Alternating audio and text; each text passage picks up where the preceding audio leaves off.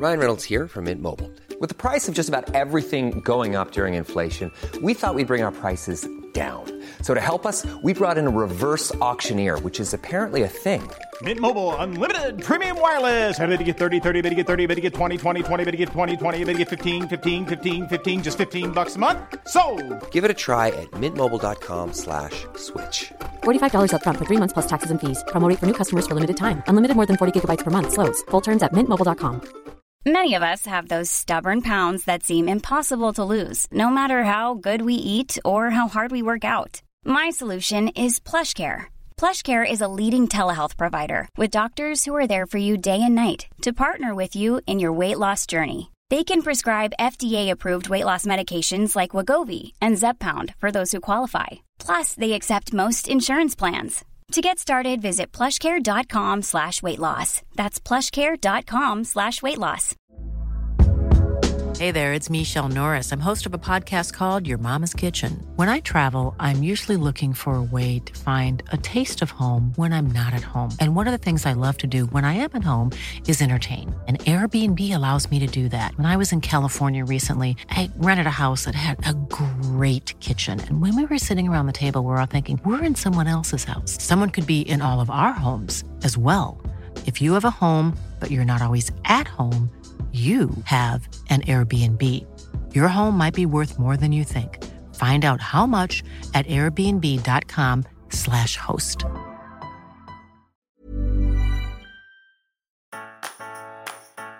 Du lyssnar på Ridsportpodden, en ny podcast från tidningen Ridsport. I den här podden träffar vi ryttarna som du vill lära känna på djupet. Värd för programmet är hästsportsjournalisten Andrea Berlin. Äntligen är podden tillbaka igen efter ett lite längre sommaruppehåll. Hoppas ni har längtat lika mycket som vi efter ett riktigt fullmatat program. Och jag kan faktiskt glädja er med att vi denna gång kör ett bonuslångt avsnitt för att få ett riktigt djup och en intressant intervju med en av landets största och mest framgångsrika dressyrproffs, nämligen Jan Brink. Jag åkte till Tullstorp för att höra hur Jan tänker kring tävlingsplanering, hans coaching genom knytkalaset och såklart hela historien hur han har lyckats bygga upp sin egen verksamhet och alla de projekt som han driver idag. Jag lovar att han har massor med inspiration att bjuda på som ni garanterat inte har hört innan. Häng med mig in på kontoret. Hej Jan! Välkommen till podden. Tackar. Hur har eh, din sommar egentligen varit? Den har varit eh, ganska intensiv faktiskt. Det har varit, eh, ja, jag har 25 hingstar i avel här så att det har varit en riktigt bra säsong. Ja. Så det har varit mycket att göra, vilket gläder mig väldigt mycket med att aveln har blivit, eh, fått lite fart igen här. Ja. Sen har det varit mycket tävlande och ja, EM och Falsterbo och alla möjliga saker. Så det har varit, eh, det har gått snabbt. Det har det? Ja. Mm. Jag tänkte att vi skulle prata lite om hur man tänker kring planering och tävlingsupplägg när det närmar sig en ny säsong. Eh, Men också hur ni jobbar här tillsammans inom knytkalaset. Vad tycker du egentligen är viktigast att tänka på så här när det är snart är höst och det kommer en ny tävlingssäsong? Först och främst så beror det väldigt mycket på, eh, för min egen del så har jag alltid haft både unghästar och en upp till Grand Prix. Så det har varit eh, väldigt mycket individanpassad planering. Eh, alltså, du vet hästar som går championat och som är fyra och nästa år går de fem och då är det en planering för femårschampionatet. Att ganska bra att ha en, ett mål. Sen är det ju inget självändamål att man ska till varje pris vara där med hästen, för det är lite hästen som får bestämma det. Eh, med de äldre hästarna så är det samma sak där. Är de 7-8 år så kanske de ska kliva upp ett steg i, i, i eh, nivå. Och eh, då är det ju mycket att man måste vara ett eller två steg före alltid. Så att hästen måste kunna det ett halvår innan minst för att det skulle vara befäst till nästa år. Så att det, det är mycket sån planering. Samma sak med mina elever då, ungdomarna. Ja, mycket med junior young rider och eh, U25. Att eh, vi blir äldre alla. Helt plötsligt så är junioren en young rider och då är det istället för juniorprogram som är som på medelsvår nivå så är det San Diego och det är ett rätt så stort steg att ta. Det är seriebyten och piruetter och allting. Så det är väldigt individanpassat men eh, jag tycker det är jätteviktigt att redan ja, om någon månad nu när säsongen börjar ta slut, alltså det är ingen, säsongen tar ju aldrig slut egentligen Nej. nu för tiden, men, men ändå det lugnar ner sig lite. Mästerskapen har varit och sådär. Uh, så måste man faktiskt redan vara igång med den träningen. Mm. Uh, som som uh, det är planerat att tävla till nästa år. Mm. Tycker du det är en skillnad nu när man ska börja tävla inomhus och sådär med träningen? Det är det alltid. En del hästar är precis likadana. Andra hästar blir lite lugnare när man kommer in. Mm man är inte lika mycket påverkad av väder och vind och sådär. Eh, men en del blir också lite mer spooky, för det är lite tajtare och sådär. Så att jag försöker själv eh, vara ute så mycket jag kan mm. hemma. För att vi vet ändå att vi har den här långa vintern. Och, och, eh, så jag börjar inte rida inne bara för att man ska rida inne, utan det ger sig själv sen när, när det blir dåligt väder. Ja, just det. Mm. Ja. Hur stor del av din coaching idag handlar just om eh, tävling och träningsplanering? Jag, jag tror, alltså eftersom jag har väldigt eh, mycket ungdomar mm. Eh, och har valt ut dem lite grann. Eh, jag är ju lite som jag sa, brukar säga kvalitetsmänniska, inte kvantitet. Så jag har inte jättemånga. Men eh, de jag har tror jag väldigt mycket på. Mm. Så att, eh, alltså jag tror att själva upplägget där med de där ungdomarna och eftersom de är ungdomar så blir det ganska, de vill ju tävla va. Mm. Och självklart så får man ju uh, lugna ner dem lite grann ibland va? att det här med grundarbete är med viktigt. Och, uh, så skulle jag säga vid den här tiden vi går in i nu, vintern och så, så är det ju ganska mycket inriktat på att bygga upp hästarna till nästa steg som jag sa. Uh, och det blir mer grundarbete och så vidare. När våren kommer så, så blir det mer uppvisningsteknik mm. och att liksom bli stark inne på banan uh, i det tekniska. Va? Mm. Ja, sen har vi allt det andra med ju. Ja, klart. allt det mentala och hej och hå. Ja. Men, men uh, om vi nu pratar om teknik då, va, så, och uppvisningsteknik så kommer det lite mer då att man rider mer program då på våren och sådär. Ja. Mm. Men om man då ska lägga upp en tävlingsplan, hur lång tid innan ska man börja? Ja, det är ju ett dilemma ibland va? för att det känns ju, jag vet själv när jag gjorde tävlingsplanering och, ehm, det är klart, när Briar var liksom på topp då runt 2003, 2006 till 2006 mm. och liksom bäst i världen, då kunde jag liksom välja vilka tävlingar jag ville åka till och förbundet, ja jag fick åka var jag ville. Ja. Eh, det är en grej med en sån etablerad häst. Uh, har du hästar som är lite på väg upp och lära sig allting och man är man är inte riktigt bland topp fyra i Sverige, va? då får man liksom ta det som kommer. Va? Alltså, mm. Helt plötsligt ringer de fyra dagar innan att du, du kan rida i Norrmünster för det är ett återbud. Mm. Så det är klart att jag tycker det är bra att ha en, en någorlunda långsiktig tävlingsplanering, mm. roughly. Ja. Men man är ganska säker på att det kommer att ändra sig lite. Men man ska ändå ha den här, skriva in det i almanackan. Jag tror mentalt är det ganska viktigt.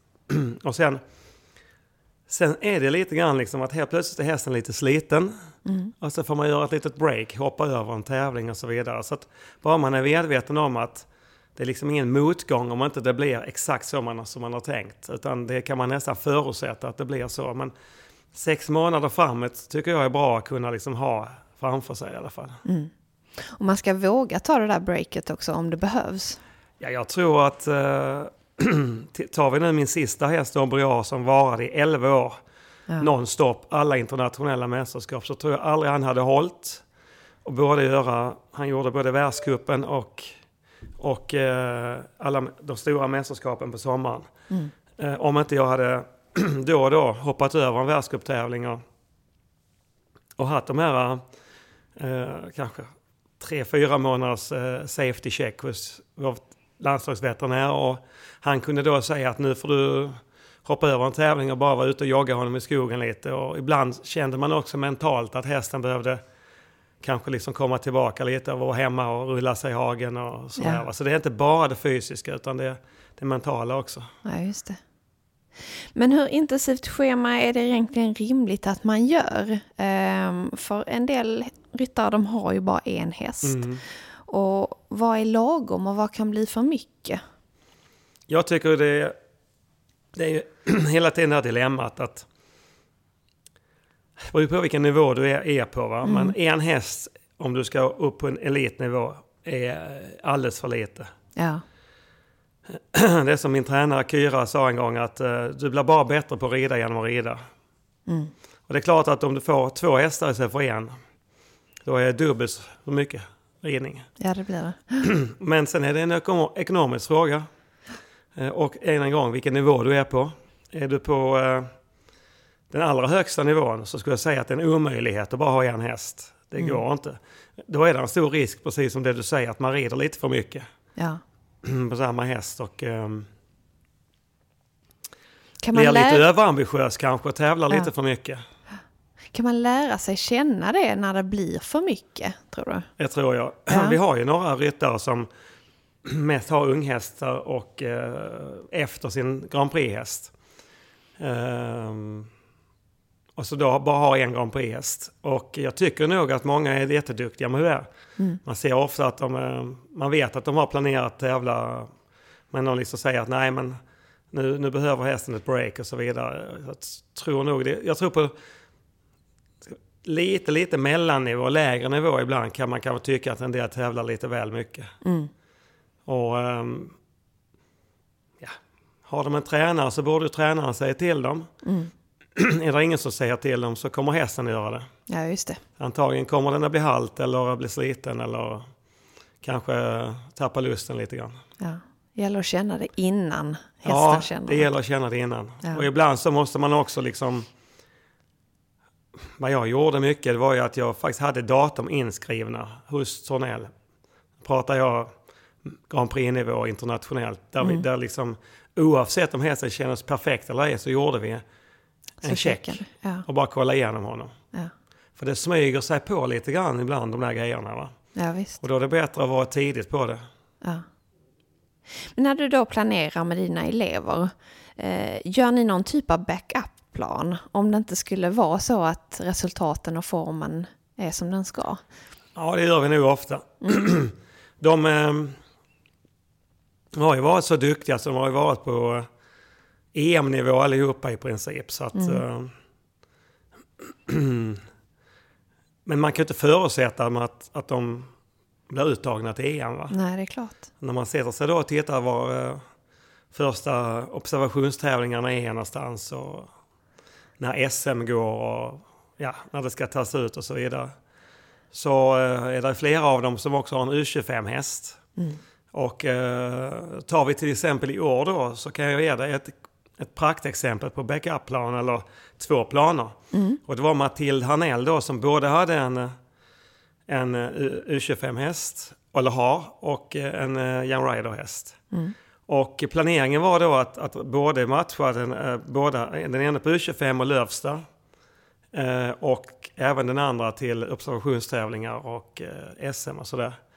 Och det började väldigt bra med hennes Young Rider-häst och, och vann flera tävlingar. Och sen började det gå lite sämre och eh, U25-hästen gick jättebra.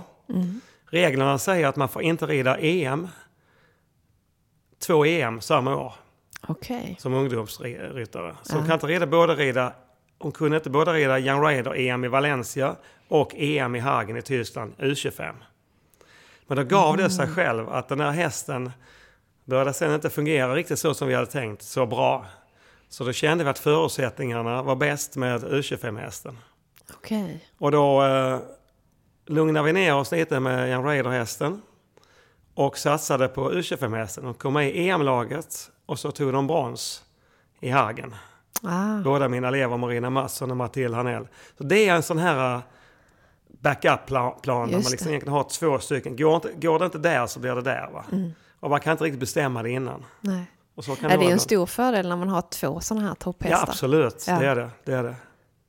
Jag tänkte också att vi skulle prata lite om dig och din satsning nu. För det är ju lite annorlunda. Eh, det var ett tag sedan du tävlade på den absoluta toppen och ehm, du har tagit ett beslut och, och satsa på en annan typ av karriär nu som jag tänkte att du skulle få prata om lite om. Ja, alltså när, när jag slutade tävla internationellt 2009 efter Las Vegas världscupfinalen. Då eh, jag kände lite att jag var nöjd med min karriär. Ja. Tre olympiska spel och fått en hel del medaljer och sådär. Och då kände jag att... eh, och jag ville också sluta med Brian när han var bra. Och då tyckte jag att, eh, ja. eh, Jag hade provat att gifta mig, det hade jag aldrig provat med innan. och jag var barn på gång och sådär. Så att det, det var ganska naturligt. Eh, Jag hade också börjat smyga in och träna ungdomar lite. Ja, Det gjorde jag inte innan. nej just det. Det fanns överhuvudtaget inget sid. Och för min egen del så känner jag att ska jag göra någonting så ska jag göra det 100%. Och ehm, började smyga in lite infrastruktur på anläggningen med eh, möjlig, mer möjligheter till folk att bo här. Och mer möjligheter för folk att bo här länge och eh, kanske kunder och så vidare. Jag visste att jag skulle kunna sköta mitt företag ännu bättre. Och det är väl så det är nu att eh, det frigörs så väldigt mycket tid när du och tävlar internationellt. Jag körde ju alltid lastbilen själv ner i Europa så det var ju liksom ibland fyra dagar bara, bara att sitta i lastbilen. Eh, och sen hela tävlingen och så vidare. Så att det har ju, företaget har ju fått en, en glansperiod nu och eh, det är klart att det är annorlunda. Jag jobbar absolut inte mindre. Nej. Jag rider i princip lika mycket. Jag tävlar också för att producera hästar, men nationellt. Ja, Ehm, så den biten är väl inte någon stor skillnad. Men däremot så är jag väldigt mycket mer på tävling med elever. Och där får jag ju lite grann kicken av, av det här med adrenalinet och tävlingsmomentet. Och, och, och när de blir framgångsrika och vinner så är det ungefär som jag själv vann. I känslan. Va? Jag glädjer mig väldigt mycket åt det. Och även när det är motgångar, för det är det, det, är det alltid. ja. Det går inte bara bra. Nej. Eh, Så är det med allt. Så det är klart att eh, företaget har vuxit, eh, man har mer tid att sköta det. Ja. Och eh, man sitter ju inte i lastbilen längre i alla fall. eh, Nej, vad skönt. Utan då man tar sig snabbare eh, hem Ja. och dit till tävlingarna. Ja. Vad har hänt här på anläggningen eh, sen dess? Um, jag har kört hingsprogrammet hårdare. Mm.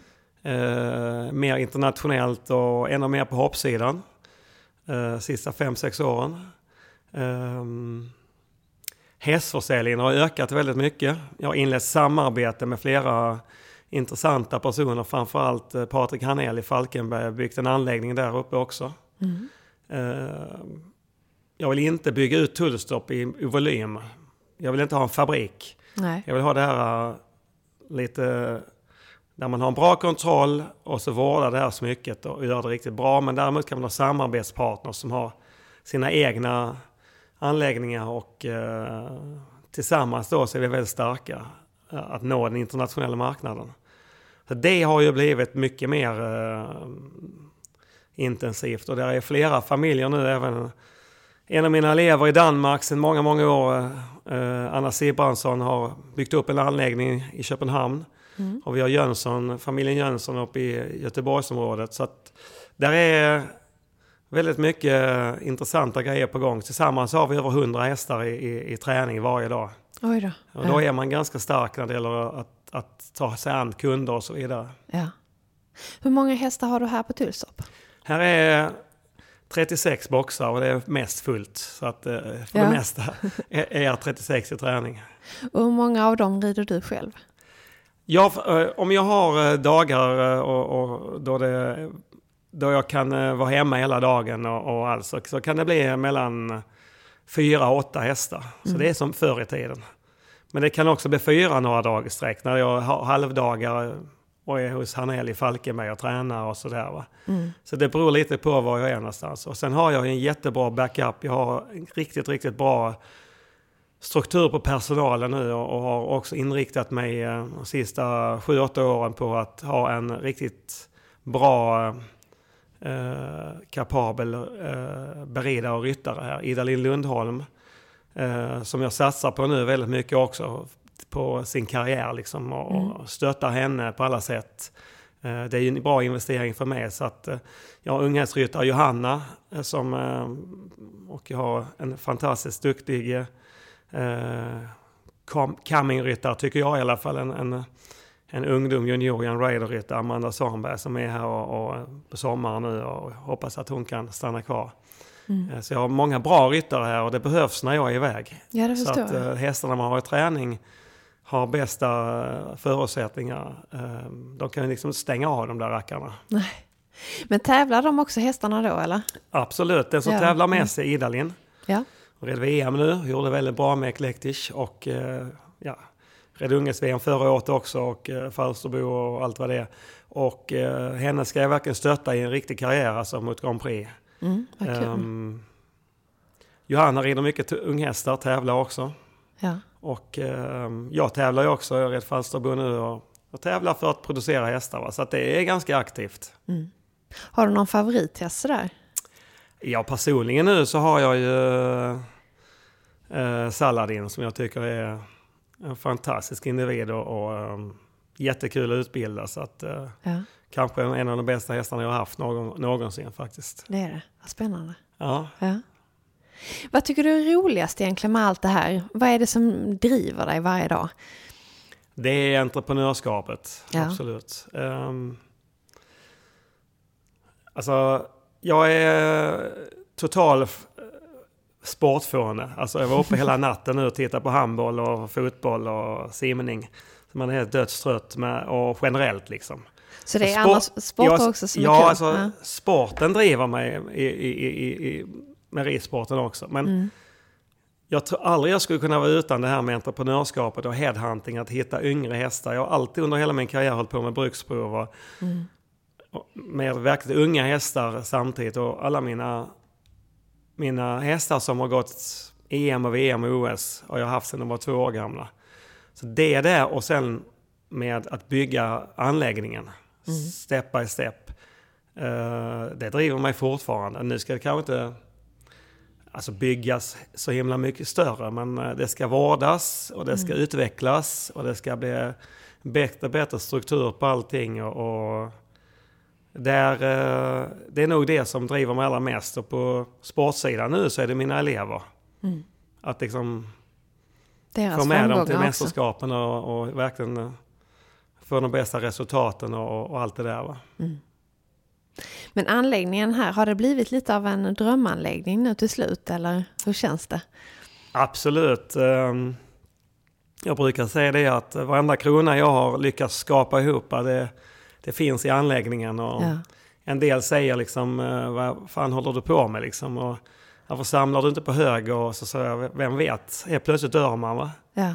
Varje dag jag går upp här så ser jag den här anläggningen och jobbar här. Livet är här. Och eh, är stolt för den och, och, och, och det är liksom här vi lever. Va? Och eh, det där med att hela tiden säga att det där det ska man göra sen eller eh, du vet samla på hög på det viset. Det är inte min stil riktigt. Utan eh, det har varit en lång resa med, med tullstopp och den är inte slut än. Nej. Hur tänkte du när du startade upp från början? När du liksom, de där första stegen? Alltså det, allting tror jag hos oss alla startar i drömmar och drömmar och visioner och saker och ting som man har sett. Saker, människor som har betytt mycket för en, liksom, som blir någon sorts mentor utan att de vet om det. Va? Och man har någon sorts eh, dröm som egentligen känns ibland lite ouppnåelig då att, eh, att göra någonting. Och eh, det kan vara inom företagsverksamhet eller inom sport. Eller, för mig var det ju en kombination utav att eh, bli professionell ryttare och därför när vi startade detta ihop med Bruno Albinsson eh, då var det ju ett gammalt kostall och ja, det var ett, ett litet torp och absolut ingenting. Nej. Och vi började i enormt liten skala va? och eh, jag var bara 20 år. Och eh, Men var det en självklarhet att det skulle ligga just här? Nej, inte alls. Utan, Nej. eh, utan eh, jag var anställd på Flyinge eh, från 17 till jag var 20. Jag gjorde min militärtjänst här i Hässleholm och, Okej. och eh, folk hade märkt att jag hyrde stall i Flyinge efter arbetstid och, ut, och liksom jobbade till 11 på kvällarna och började sälja hästar. Och Bruno fick ett möte med mig och hade köpt det här torpet då. Och frun var hästintresserad och sa kan vi inte göra någonting ihop? Ja. Och Bruno, som de flesta vet, var ju rullstolsbunden så att han kunde fysiskt inte göra någonting. Och Ja, vi byggde till då, vi byggde fyra boxar och alltså det var så lite så du kan inte ana det. Okej. Eh, Men det är klart att det var här ute i Göingeskogen och jag är ju härifrån från början. Och eftersom att det var här vi började och, och eh, det var här vi började bygga fler boxar och jag gjorde min, min briderutbildning färdig ett par år senare och då byggde vi några boxar till. Vi hade sålt några hästar och vi kände att vi trivdes ihop. Så det bara föll sig så och eh, jag är väldigt glad för det för att eh, det är en del söder eh, som bor riktigt nere i Falsterbo och Vellinge, de tycker väl det här är Norrland men Ja. det är bara en timme till Köpenhamn va, och flygplatsen och det är en järnvägsknutpunkt och det är en fantastisk miljö här uppe. Och, så jag, jag tycker det, jag är glad att jag blev här. Ja. Eh, men det, alltså, jag hade nog eh, under min tid i Tyskland uh, framförallt Herbert Rebergs ställe, Grönwallhof. En enorm... eh, det blev nog en sorts, både han själv, det var Kyra också lärling, sen blev Kyra min mentor och tränare sedan 22 år tillbaka. Liksom. Men Herbert Reberg var ju min förebild. Va? Det var då jag liksom gick ifrån hoppning och fälttävlan när jag såg honom i Falsterbo en gång med Gassendi. Det var där jag tog steget liksom att shit alltså, jävlar vilken machokille. Han bara sitter där och hästen bara piaffar på den här stora hingsten. Och vilken jäkla känsla va. Det är när du vet sakerna som gör att du liksom tar steget va. Det vill jag göra. Och det kände jag med när man kom ner till hans anläggning där. Det var liksom en... Jag hade ju inte börjat fatta då att jag var intresserad av design och, och arkitektur och allt det där. Men jag blev så enormt imponerad av det. Så tänk om man skulle kunna bygga något sånt en gång. Va? Sen har ju det här byggts upp, men det har ju varit... Alltså många som kommer hit nu tror ju att det är uppbyggt på en gång. Ja. Men du vet, varje hus här har ju en egen historia. Va? Och varje gång något hus har blivit byggt så har min, mina ritningar och mina visioner varit att tio år innan, men jag har inte haft pengar att bygga det. Så man har haft lång tid på sig att tänka och sen en vacker dag så, så, så går det va? och så bygger man det. Så det har varit, där vi sitter nu, det är bara tre år gammalt detta huset. Så att ja, det. har varit en lång resa. Ja. ja, det är roligt det där att höra. För att det är som du säger, många tror ju att det är färdigt på studs. Ja, jag försöker förklara det ibland när vi studiebesökare och ungdomar. Och man ser att det lyser i ögonen på dem och de skulle vilja göra någonting. Och de Ja. tänker liksom att det här det är ouppnåeligt. Va? När de då hör lite av historien hur, och, och du visar lite bilder på de här, det här gamla kostallet och hönshuset som stod här och allt. Så är det faktiskt så att det är bara att kavla upp armarna och börja. Ja. Och det är möjligt. Va? Men det är, det är starka krafter som behövs inifrån dig själv. Det är klart. Det är det här som jag kallar för driv och eh, att vilja liksom. Va? Att inte ge upp utan att banne mig ge sig sjutton på att det här ska gå. Va? Hur många år har det tagit totalt? Ja, det kan du själv räkna ut sen 81. Så det är många år. Ja, det är det. Ja, Det är det. det är... eh, Och jag, jag, jag tror att man är väldigt ivrig när man är ung. Och ehm, låt saker och ting ta lite tid. Det är bara bra. Ja, är. Man märker också efterhand liksom, om man är ämnad för det eller ej. Va? Eh, för min del var det naturligt, för jag hade liksom inte pengar. Nej. Jag kunde inte bygga upp det med en gång, utan det fick bli... ja, det blev några hästar sålda och det blev lite pengar över så kunde man bygga, ta, köpa en ny ridhusspegel eller... ibland var det sådana små grejer bara. Ibland Ja, var det en större grej och då kunde man bygga till stallet lite till eller Mm. en utebana eller ja. Och jag tror det är så för många. va. Mm. Ehm, och för en del så tycker de att ja, men nu har jag hittat min nivå. För en andra vill de eh, jobba vidare. Va? Ja, ännu mer. Ja. Men det var inte bara Tullstorp du har byggt upp. Du har ju också startat Knytkalaset. Eh, och hur började det i, i den här vevan? Det är en ganska rolig grej. Det var min eh, ja, alla goda vän och mentor och eh, sedan sen många, många år sponsor under min karriär, Åke Björsell. Han, eh, det var ganska mitten på min karriär, så aviserar ju Kyra och Richard att de kommer att flytta från Sverige. De bodde i Flyinge då. Jag åkte ju ner där och tränade och, och praxis är bra för mig. Och jag tror att eh, det var liksom i början på Briars karriär och, och eh, vi fick nog reda på det ganska tidigt, eh, långt innan många andra. Så vi hade lite, lite, lite tid på oss. Och så pratade jag med Åke om det där och sa det är ju katastrof alltså om Kyra försvinner från Sverige. Ja. För hon har betytt och betyder väldigt mycket för Sverige. Vi måste göra någonting. Och då eh, satt vi och planerade, ja, men vi måste försöka få henne till Sverige och träna ändå. Eh, kontinuerligt. Ja. Och tar vi inte nu tjuren vid hornen så gör någon annan det. Amerikanerna eller någon annan det. Så att vi måste sätta oss ner med henne och, och prata fram någonting. Och då gjorde vi det hemma i hennes kök. I Flyinge. Åke, jag och Kyra. Och då började vi spinna på det här med att göra en träningsgrupp. Eh, så att det lönar sig för henne att flyga från London och hit. En gång i månaden. Och eh, då eh, är Åke sådan att gammal gammalt pappershandlare som han är, att han ska sätta namn på allting. De är Mom deserves the best, and there's no better place to shop for Mother's Day than Whole Foods Market. They're your destination for unbeatable savings, from premium gifts to show-stopping flowers and irresistible desserts. Start by saving 33% with Prime on all body care and candles. Then get a 15-stem bunch of tulips for just $9.99 each with Prime. Round out Mom's menu with festive rosé, irresistible berry chantilly cake, and more special treats. Come celebrate Mother's Day at Whole Foods Market. When you're ready to pop the question, the last thing you want to do is second guess the ring. At Bluenile.com, you can design a one of a kind ring with the ease and convenience of shopping online. Choose your diamond and setting. When you find the one, you'll get it delivered right to your door. Go to Bluenile.com and use promo code LISTEN to get $50 off your purchase of $500 or more. That's code LISTEN at Bluenile.com for $50 off your purchase. Bluenile.com code LISTEN.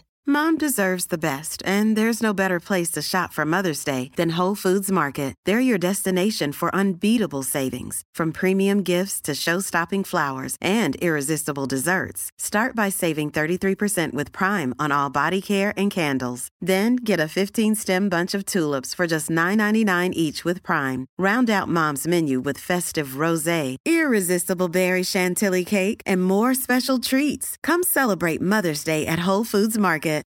Since 2013, Bombas has donated over 100 million socks, underwear, and t shirts to those facing homelessness. If we counted those on air, this ad would last over 1,157 days. But if we counted the time it takes to make a donation possible, it would take just a few clicks. Because every time you make a purchase, Bombas donates an item to someone who needs it. Go to bombas.com slash ACAST and use code ACAST for 20% off your first purchase. That's bombas.com slash ACAST, code ACAST. Even when we're on a budget, we still deserve nice things. Quince is a place to scoop up stunning high-end goods for 50 to 80% less than similar brands.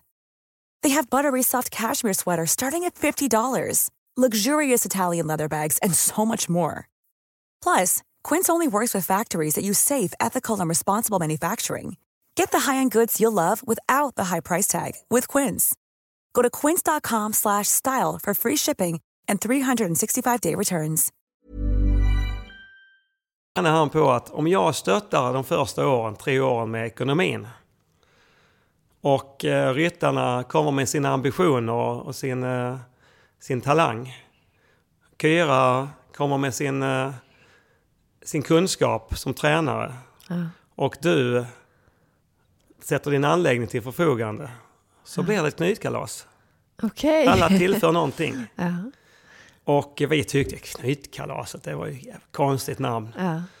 Eh, vi ville inte riktigt säga någonting, men han tyckte det skulle heta det. Okej. Sen efterhand så tyckte jag, ja, men det är ju ganska bra ändå. Inte så lätt för utlänningar att förstå, men eh, alla förstår det i Sverige. Ja, visst gör de det. Och så startade vi det. Och det, Kyra fick bestämma gruppens eh, utseende då i början. Mitt nya ridhus var helt nytt då 1999. Jag hade möjligheter för folk att bo här, ställa upp och så vidare. Och sen drog vi igång och det finansierades då av Kyra, eller av eh, Åke de tre första året. Och sen fick vi då ett bonusår och sen eh, växte det fram eh, nya finansieringsmöjligheter. Va? Och ehm, då var det en grupp på ungefär nio personer och ett par bubblare. Alltså sådana extra som är lite på gång. När någon inte kommer komma dit så kunde de hoppa in. Vi har faktiskt bara kommit halvvägs in i detta bonusavsnitt. Så glöm inte hänga med de resterande 30 minuterna tillsammans med Jan Brink. Eh, Kyra fick ju välja ut, hon ska ju bara träna dem hon vill träna. Mm. Så vi tyckte att det får ju hon bestämma. Ehm, och vi tillförde lite, lite andra grejer. Va? Åke kom väldigt mycket med bra idéer med eh, eh, kravbild och målanalyser och att man skulle sätta sig ner och skriva upp eh, långsiktiga, kortsiktiga mål. Att man skulle var, efter var säsong skriva upp eh, vad som har hänt. Alltså var man står någonstans, hur resultaten är. Resultat, medelresultat, högsta och lägsta och räkna ut ett medel. Och blev det så som vi hade skrev förra året och så vidare. Va? Och det tyckte man då kanske inte att vi ryttare är så vana vid, men Nej. det har vi fortsatt med och varit väldigt bra. Så vi har tillförde liksom lite egna grejer på alla håll där. Mm. Men ryttarna plockade Kyra ut. Sen kom ju plantskolan sen, eh, utav andra anledningar. Just det. Men hur fick ni det att växa och utvecklas? Och... Som jag sa då så... eh, det är ju så med allt, va? vad du än gör. Mm. Så är det ju, kommer kronor och öre in. Alltså, Ja, det ska ju finansieras. Och vi var ju noga med, och jag själv känner ju med hela min karriär att väldigt mycket av eh, stadgan i min eh, tävlingskarriär har varit att jag har faktiskt eh, haft den eh, fantastiska lyckan att hitta rätt med, med tränare och kemi. Mm. Så jag har haft samma tränare i eh, 22 år.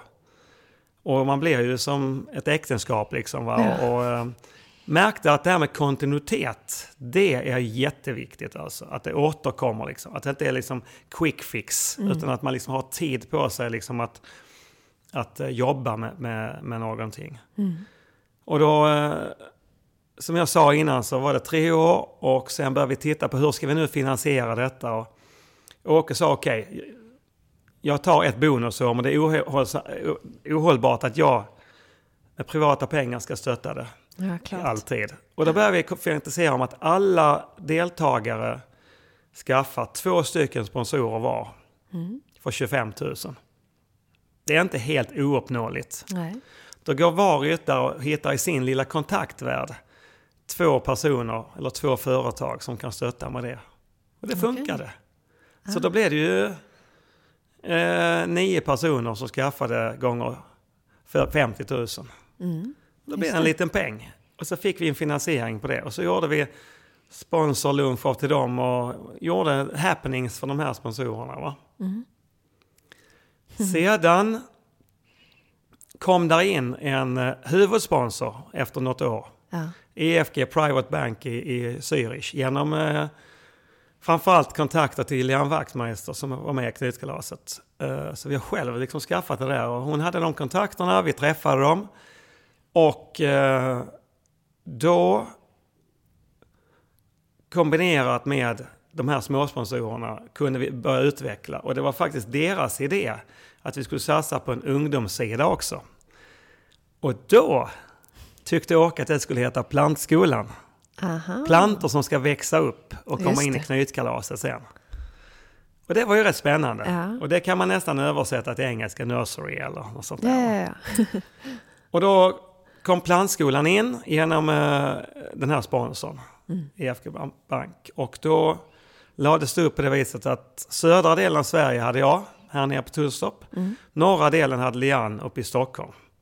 Okej. Och då hade vi eh, ungdomar, ungdomsträningar där eh, vid sex dagar på våren och sex dagar på hösten. Mm. Och eh, de har faktiskt stöttat oss i nio år nu, Oj. EFG. Och nu i år var det sista året. Mm. Och nu har ju, under den här resan nu så har det kommit in ett nytt företag, Gina Tricot. Som är fantastiska samarbetspartners som du har sett också som jag har tagit till Falsterbo. Mm. Och som gör alla kläderna där som är väldigt uppskattade. Och eh, jag har ett jättebra samarbete nu. Och sen har då Saab Technology Mhm. kommit in som ny ersättare till EFG. Så nu har vi Gina Tricot och Saab Technology som Okej. eh, huvudsponsorer. Så att svar på din fråga finansieringen har vi liksom själv jobbat med väldigt mycket att hitta de här. eh, Och eftersom vi då har hållit på i 17 år med det nu och tagit fram en, över 30 Grand Prix-hästar och massor med medaljer Mm. och, och deltagarna här, så, så är ju tittaren huvudsponsor på historien så har det faktiskt producerats väldigt mycket. Och det är lite, lite lättare då att få in dem Mm. på en sån här sak. Vad roligt att det har utvecklats och blivit en sån Ja. jättegrej.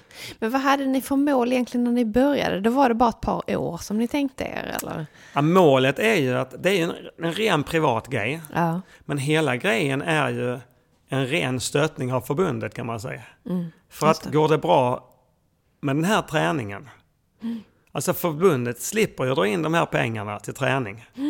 Och som du vet så är ju Kyra också koordinator till svensk dressyr idag, professor i Sverige. Så det går ju hand i hand. Så Ja. det här det är ju fantastiskt bra för förbundet. Så att hela grejen med det är att producera så många Grand Prix-hästar som möjligt och så många Grand Prix-ekipage som möjligt. Plocka de här ungdomarna så snabbt som möjligt när de är unga och få in dem på rätt linje, stötta dem där. Och slutändan är ju ett, deltagande för Sverige i VM, EM och OS. Mm. Det som idag startar. Just Det är ju eh, produkter utav detta, vissa av dem. Och, och några år är det många, något annat år. Jag menar, vi har haft med Patrik Kittel här också. Sen var det geografiskt omöjligt för honom att köra hit hela tiden. Men, Ja. men det är hela huvudgrejen, att producera så många bra eh, Grand Prix-hästar som möjligt och ryttare. Och för vår nation, för sporten. Och hur ofta träffas ni idag? Idag är det själva knytkalaset som är de seniorerna. Mm. En gång i månaden. Mm. Två dagar i månaden. Så att Kyra Okej. kommer eh, dagen innan. Då ofta har vi lite möte hon och jag. Och min fru Katarina som håller på sekretariatet har vi också här. Det är ganska mycket. Vi har ju hemsidor, Instagram-sidor. Vi sköter en del av sponsorernas Instagram-sidor, Gina Tricot. Så det är väldigt mycket jobb. Och ehm, för var nu huvudsponsor som kommer in så är det också nya grejer som kommer in. Så vi kommer utöka ännu mer nu. Och göra auditions och grejer i Norrland. För Saab vill det. Aha. Att alla ska få chansen Just att bli upptäckta. Så det, men det kräver också ännu mer av oss. Så då har vi ofta möte dagen innan. Så det är två dagars träning. Plantskolan har det varit, som jag sa, tre tillfällen gånger två dagar på våren och hösten. Mm. Det kommer utöka nu så det blir eh, fyra tillfällen gånger två dagar på våren och likadant på hösten. Så det blir ännu mer tillfälle. Mm. Och sen ska vi göra en stor happening här nere vart år där alla träffas. Och det är över 36 ryttare. Och de bor över här och vi har lite... Eh, de tittar på seniorerna träna och vi har tid till att sitta här i konferensrummet och eh, ha olika föredragshållare. Prata igenom nästa år. Prata igenom filosofi och, och kanske ha teoretiska genomgångar och så vidare. Så det är lite utökat, utökat, eh, blir liksom mer och mer intressanta grejer. Mm. Men får ni ihop det så här? Alla är ju på olika håll så att schemat stämmer liksom. Att, Ja, alltså fördelen här är att jag försöker hålla så att alla kan, som inte, som kommer lite längre ifrån kan ställa upp sina hästar. Så att, Ja. eh, det är ju, alltså genom att knytkalaset är här nere i Skåne så får ju, är det en del som kör från Stockholm ner här var gång. Mm. Och det är tufft. Och det, det är liksom, folk har mycket att göra. Men det händer ju också att, att eh, tre är på tävling vid det tillfället. Vi, en av vi försöker planera datumen så, men då kommer de här bubblarna in. Mm. De som är lite grann på gång. Som inte är riktigt är ordinarie. Så att, Ja.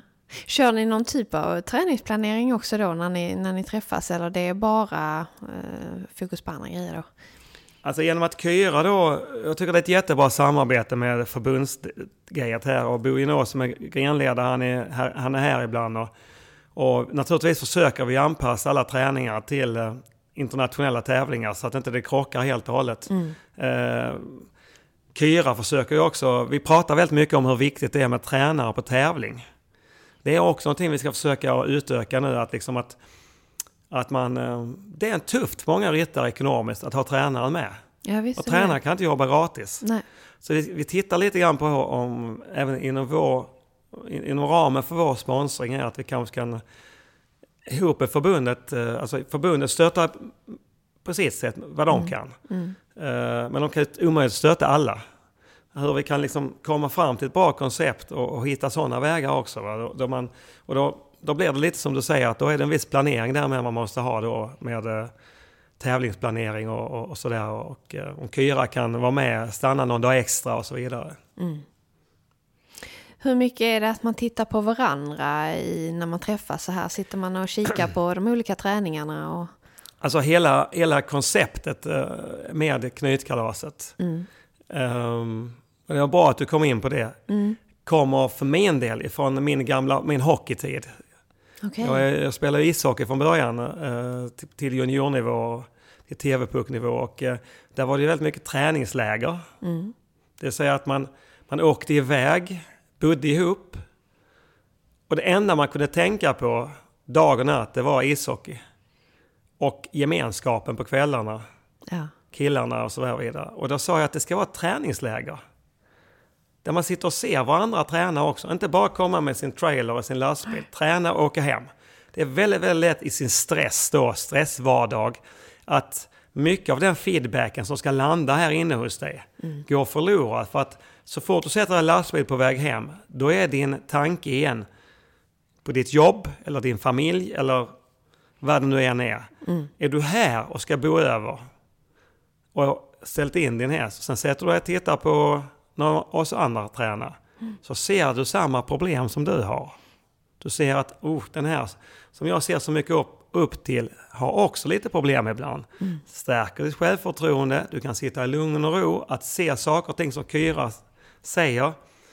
Man äter middag på kvällen, vi hjälper varandra väldigt mycket med problem, lösningar, samkörning till tävlingar, hitta nya hästar, sälja en häst. Ja, Allt det där. Mm. Det blir som en grupp Mm. som man tillhör. Och för väldigt många ska jag säga det att de gör, det är flera stycken som inte gör detta för att det är gratis träning.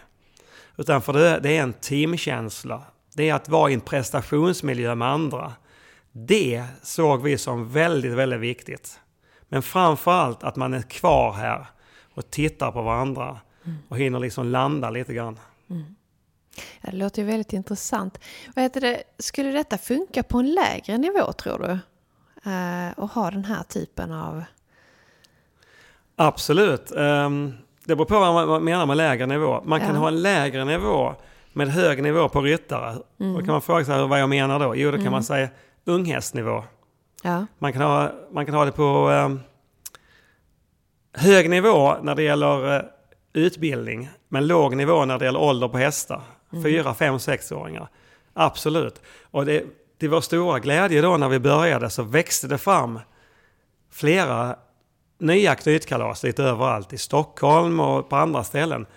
En del kallade för knytkalas, en del eh, kallade för någonting annat. Men konceptet var detsamma. Och det tyckte vi var jättebra för att det är ju verkligen eh, ett vinnande koncept det här med träningsläger och så Mm. vidare. Tyvärr så ser vi att det inte är många som är kvar. Nej. Det liksom funkar några år för att det måste hållas ihop.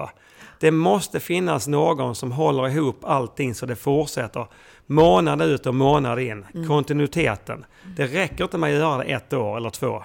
Nej. Och det är där problemet är lite grann. Va? Vi har sett hopphästknytkalas sätta igång Mm. och försvinna. Danskarna har tagit över nu och gjort knytkalas i hoppning eh, med svenska tränare. Och vi ser hur det går, men det, det är ju... Det vill till att det är ett kansli, att det är ett antal personer som liksom ser till att det verkligen blir av. Och det är där det jobbiga är. Va? Mm. Att det måste liksom vara drivande krafter och en väldigt bra organisation.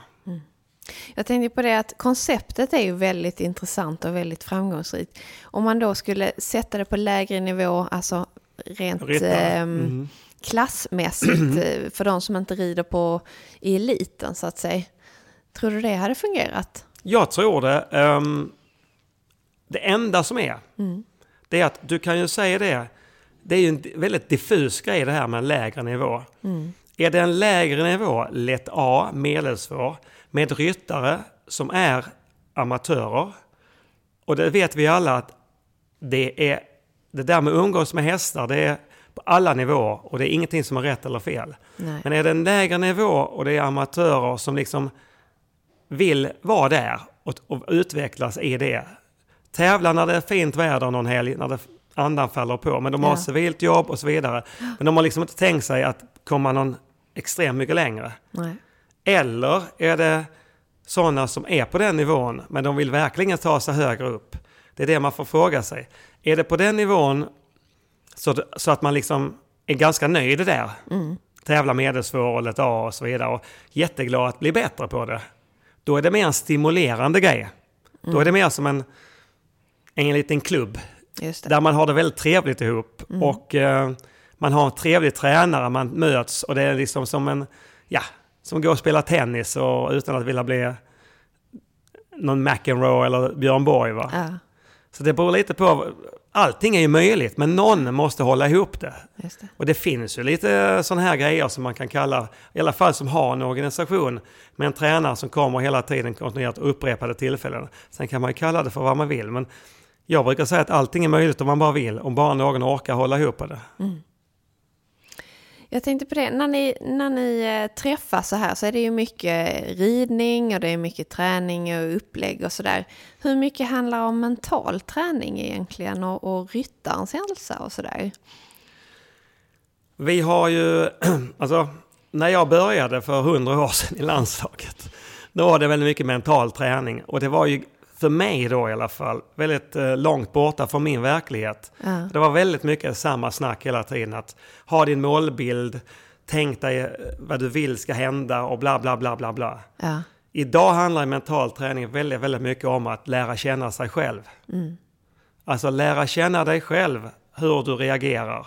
Vad, vad är din, din bästa läge när du kommer till tävlingsplatsen eller dagarna innan? För där är vi så olika. va? Och jag har ju liksom sagt att jag håller på dagligen med mental träning med alla mina ungdomar som en mentor. För jag har gjort hela resan. Jag har gjort alla felen, jag har tänkt fel och blivit asnervös. Bara för att jag tänker fel. ja, Och då har jag frågat dem, hur tänkte du då för att inte bli det? Jo, då tänkte jag så här. Och så vidare och så vidare. Så idag, och, och, och, idag är det väldigt mycket att mental träning handlar väldigt mycket om hur, hur du själv mår bäst. Vissa vill ha massa folk omkring sig några timmar innan man ska tävla för att de inte ska bli nervösa. Andra vill bara ha lugn och ro och gå in i sig själv ganska tidigt, inte bara den sista timmen. Ehm, och en del är väldigt utåtriktade som personer, en del är väldigt introverta. Ingenting är rätt eller fel. nej. Och jag kommer så väl ihåg en holländsk eh, mental tränare på slutet av min karriär som, som just gick in på det här. Han gav oss 300 frågor flera dagar innan. Och det handlar om allt i livet vi skulle fylla i. Och han, han läste igenom alla de här och sen kunde han säga du är den sortens person, du är den sortens person. Och vi alla kom in i det här liksom att när vi svarar på de här frågorna så, så, så börjar man svara på det man skulle kunna vilja vara. Du vet, Ja, ja, du, går, ja. du går på trottoaren i Stockholm, där ligger en blödande man på marken. Går du förbi eller hjälper du honom? Ja, Mm. Just då säger man att man hjälper honom, men så tänker man, jaha? Men två slåss på gatan. Går du in och försöker stoppa dem? Eller går du bara förbi, bryr dig inte? Någon slår på en annan. Ja, men jag vill nog försöka hjälpa honom. Nej, nej, nej, nej, nej. Det hade man kanske nog inte gjort, lagt sig i, för det vill Nej, man inte. nej. Så man, man är väldigt lätt till att svara på det man skulle vilja vara. Just det. Man säger, är du nervös på tävling? Oh nej, jag är inte nervös, säger Nej. man. För att man, för man tycker att det, det är ett svaghetstecken. Och då tänker man till sig själv, man måste för sjutton vara ärlig mot sig själv. Och ta tag i det man har problem med. Och det lärde han mig, liksom att det viktigaste i mental träning är att skapa de bästa förutsättningarna. Vill man inte ha mamma hängande i stallet när man flätar, tjafsande för att hon är nervös, så kan man inte vara snäll mot mamma bara för att hon stöttar hela tiden. Utan då får man säga till mamma, du gör mig nervös nu. Jag vill bara ha lugn och ro, lyssna på musik, fläta min häst. Men det kanske man inte alltid vill säga. Men man ska skapa dem, och det, det har med mental träning att göra. Att, att lära känna sig själv väldigt mycket. Och vi jobbar med det och jag sa att vi försöker lägga in det lite grann att någon bra föredragshållare ibland. Som kan skapa lite aha-grejer. Som jag sa den här holländaren gjorde till mig. Att liksom börja tänka på vad är mitt bästa läge? Vill jag ha min sponsor ringande till mig på morgonen när jag ska tävla om hans akkreditering och allt skit och allt det där är klart? Eller ska jag se till att få någon annan att sköta om honom? För jag vill inte ha det på morgonen, jag vill bara tänka på min, min prestation. Då måste man skapa det och se till att det blir gjort. Annars finns det här inne och grubblande. Va? Alla sådana här saker lär man ut till ungdomarna och så, så kan de då jobba med det mentala. Det här med uppföljning och sånt där, när ni gör en plan och eh, mental träning, precis som du pratar om. Hur mycket måste man jobba själv med det? För det är ju sin sak när man har sin tränare där. Mm. Och sen måste man ju bearbeta det själv under säsongen. Hur mycket måste man tänka på det? Kira och jag, vi, vi gjorde en stor grej på Global Dressage Forum i Holland för alla internationella ryttare och tränare och allt vad det är. En Mm. jättestor grej. Presentera hela vårt koncept och så vidare. Och sen var det en panel som ställde frågor och då sa Hans Peter Minderhaut, en av världens bästa ryttare, att det här det var det mest bortskämda ryttare han hade varit med om. Ni gör ju allt för dem. Ja. Det är ju inte riktigt sanningen. Det hörs ju som att man gör väldigt mycket, men vi ställer också väldigt höga krav. Ja. Man är inte med i knytkalaset och fortsätter att göra dåliga resultat eh, ständigt och jämt. Eller inte kommer när man ska eller bara kör hem och inte stannar kvar och tittar. Då åker man ut. Mm. Så det finns höga krav. Det du säger, uppföljning och feedback. Mm. Det är ing- inget vi gör. Vi stoppar eh, ett papper i näven på dem, eller fyra papper. Mm. Och där ska man själv sätta sig ner och tänka till. Och skriva upp sin målbeskrivning. Förutsättningar och långsiktiga kortsiktiga mål varenda halvår. Skriva ner alla sina resultat så att man sitter där och tänker att det här det går ju på fel håll. Eller, jag har höjt mig 2% i snitt. Det är ingenting vi sitter och gör. Vi sitter och Nej. läser det. Men de får själv göra det. Så man Och- har sitt eget ansvar. Ja, och du kan, ska också veta det att när jag har ryttare och när Kyra har ryttare så märker vi om det är någon som man tillbaka på ruta nummer ett varenda jäkla gång. Mm. Eller om de gör sin hemläxa och man märker att det är en progress. Just det. Du ska inte tro att det är samma uppställning i knytkalaset nu som för 20 år sedan. Okej, det är ju naturliga grejer ibland att de inte har någon häst och så vidare. Men det är ju några som inte liksom har stått upp riktigt till det vi vill. Så kraven är höga ändå. Mm. Ja, det måste Men, det eh, ju vara. Som jag sa, att Åke, många tyckte det var lite konstigt det här med att fylla i papper och bla bla bla bla bla. Men det är mycket så SOK jobbar med. Ja. Olympiska kommittén. De gör ju mycket som är alla sporter över en kam. Och så får, jag- de får de göra samma saker, till och med fysträning. Klart, man har ju en budget och, och, och man har sin häst och, och, och så här. Alla ligger ju inte på samma nivå. Vad har du för tips på de, för de som, som sitter här och lyssnar och, och kämpar sig upp? Vad, vad kan man eh, ta hjälp av som inte kostar så mycket pengar? Om vi säger så att vi pratar inte om amatörnivå. Nej. Vi pratar inte om de ryttarna som åker och tävlar var fjärde månad eller varannan månad och kämpar ihop sig till uppstallningen och startavgiften och sånt. För det vet vi alla att det är dyrt att tävla. Ja, det Men det. det är ju som en del lägger pengarna på resor, en del lägger det på sommarhus och båtar och Ja. andra prioriterar sitt tävlande på amatörnivå. Det är inte det vi pratar om, vi pratar om satsning som du säger. Mm. Och jag brukar säga det att eh, det är väldigt, väldigt lätt att sitta och, och tycka synd om sig själv. Och säga, ja men eh, Rolf-Göran, vilka fantastiska sponsorer han har, eller Tinne, han har Antonia, har, hon har Antonia Axelsson Jönsson och den har den sponsoren och bla bla bla sponsorn. Mm. Men så har det inte varit för Tinne alltid. Så har det inte varit för Rolf-Göran. Han och jag vi jobbade ihop med hingstar, då låg han under tröskan och skruvade på tröskan, bundson.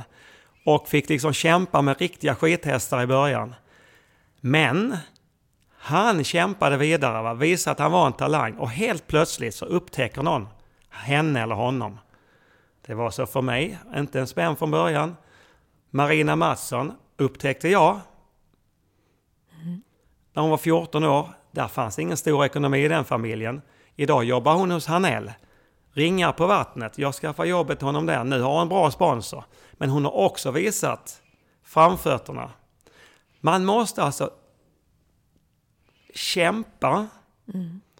Försöka bevisa att jag är talangfull. Förr eller senare så upptäcker du honom eller henne eller jag att det där är någonting. Då tar vi in dem i plantskolan. De får, får lite extra hjälp. Resultaten kommer. Helt plötsligt så är det någon som tycker att den där tjejen, den där killen, ska vi stötta lite ekonomiskt. Alltså en sponsor. Helt plötsligt är det någon som köper en unghäst den där. Det är bara så här att Man kan inte gå och tycka synd om sig själv och tro det ska komma av sig själv bara. Man måste först visa någonting. Sen är vi inte lika under Guds himmel. En del har föräldrar som har förutsättningar. Är det fel? Jag säger nej. Finns det förutsättningar? Jessica, Jessica Springsteen har pappa som heter Bruce Springsteen. Han är framgångsrik. Ja. Han har kunnat köpa bra hopphästar till henne. Men hon är också väldigt duktig och passionerad.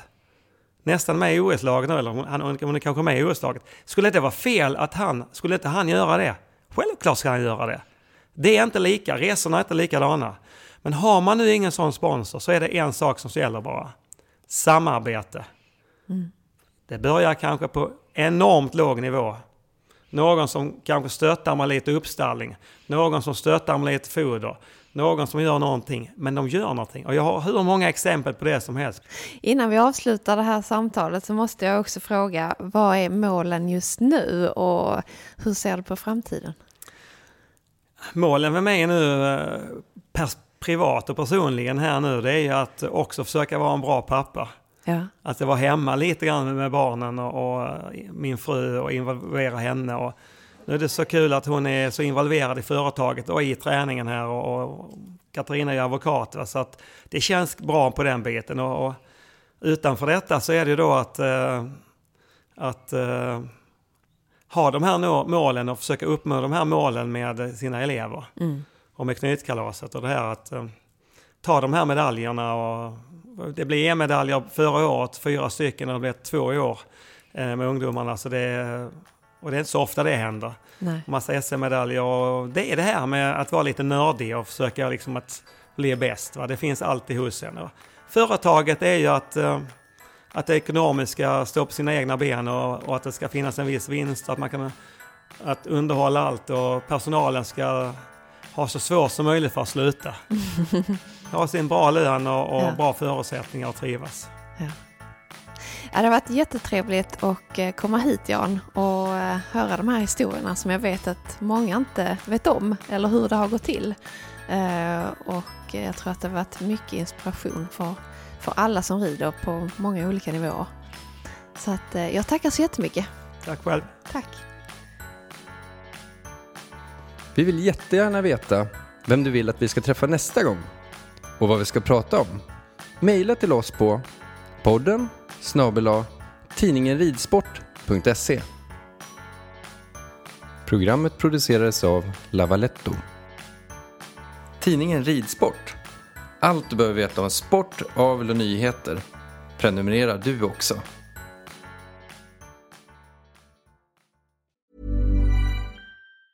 Hi, I'm Daniel, founder of Pretty Litter. Did you know cats tend to hide symptoms of sickness and pain? I learned this the hard way after losing my cat, Gingy. So I created Pretty Litter, a health monitoring litter that helps detect early signs of illness by changing colors, saving you money and potentially your cat's life. Pretty Litter is veterinarian developed, and it's the easiest way to keep tabs on your fur baby's health right at home. Go to prettylitter.com and use code ACAST for 20% off your first order and a free cat toy. Terms and conditions apply. See site for details. Even when we're on a budget, we still deserve nice things. Quince is a place to scoop up stunning high-end goods for 50 to 80% less than similar brands. They have buttery soft cashmere sweaters starting at $50, luxurious Italian leather bags, and so much more. Plus, Quince only works with factories that use safe, ethical, and responsible manufacturing. Get the high-end goods you'll love without the high price tag with Quince. Go to quince.com slash style for free shipping and 365-day returns. Imagine the softest sheets you've ever felt. Now imagine them getting even softer over time. That's what you'll feel with Bowl and Branch's organic cotton sheets. In a recent customer survey, 96% replied that Bowl and Branch sheets get softer with every wash. Start getting your best night's sleep in these sheets that get softer and softer for years to come. Try their sheets with a 30-night guarantee. Plus, get 15% off your first order at bowlandbranch.com. Code BUTTERY. Exclusions apply. See site for details.